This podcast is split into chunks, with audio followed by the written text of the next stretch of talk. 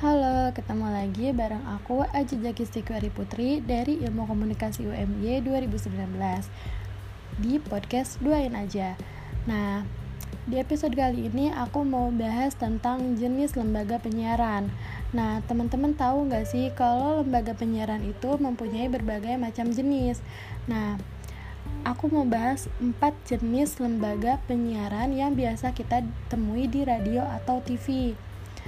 Nah, yang pertama itu ada Lembaga Penyiaran Publik atau LPP. Nah, lembaga penyiaran ini didirikan oleh negara bersifat independen, netral, tidak komersial, dan bertujuan untuk memberikan layanan untuk masyarakat. Lembaga penyiaran publik atau LPP ini terdiri dari RRI, TVRI, dan LPP lokal yang didirikan di provinsi, kabupaten, atau kota. Umumnya siaran ini bisa diterima secara tidak berlangganan atau free to air melalui sistem terestrial. Nah, yang kedua ini ada lembaga penyiaran swasta atau LPS. Nah, tahu nggak sih apa itu LPS? Nih, aku mau jelasin juga. Lembaga penyiaran ini didirikan oleh Badan Hukum Indonesia untuk bersiaran radio atau televisi yang tujuannya komersial. Nah, umumnya siaran bisa diterima secara free to air melalui sistem terestrial. Siarannya dapat diselenggarakan secara berjaringan dengan LPS sampai LPS anggotanya di berbagai daerah. Yang ketiga itu ada lembaga penyiaran berlangganan atau LPB.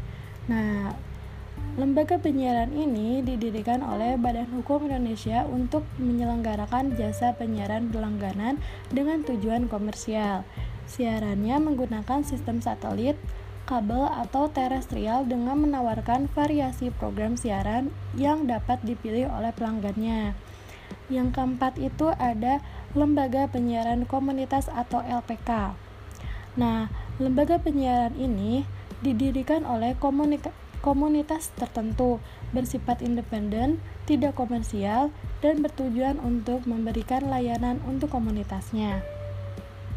Nah, umumnya siaran ini bisa diterima secara free to air melalui sistem terestrial dengan jangkauan wilayah yang luas atau tidak terbatas. Nah, gitu teman-teman. Uh, jenis lembaga yang sekarang aku bahas itu. Nah, ada empat ya teman-teman. Semoga apa yang aku bahas di episode kali ini bisa bermanfaat buat semuanya terutama buat teman-teman yang dengerin podcast aku. Um, mungkin itu itu aja yang bisa aku uh, kasih buat episode sekarang. Semoga kita bisa ketemu di episode-episode selanjutnya. Stay safe dan selalu jaga protokol kesehatan di masa pandemi ini. Bye bye see you